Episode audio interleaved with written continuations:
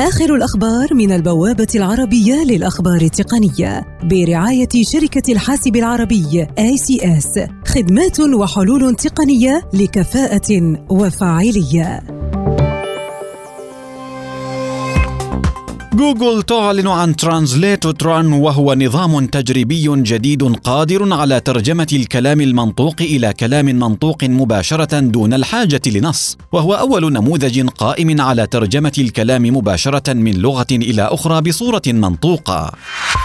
شركة إل جي تعلن عن إطلاق أول خدمة تدعم التعرف على الكلام باللغة العربية في مجموعة أجهزة التلفاز الخاصة بها التي تدعم الذكاء الاصطناعي لعام 2019.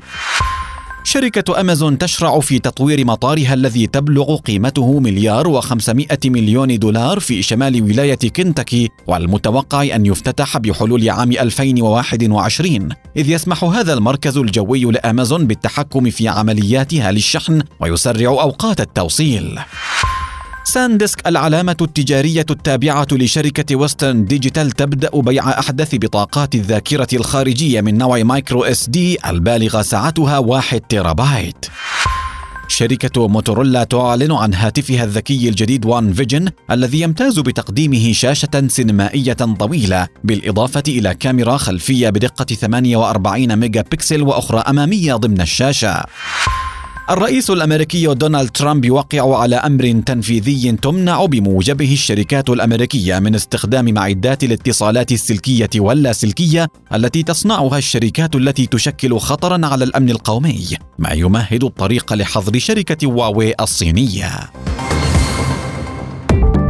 آخر الأخبار من البوابة العربية للأخبار التقنية برعاية شركة الحاسب العربي ACS خدمات وحلول تقنية لكفاءة وفاعلية.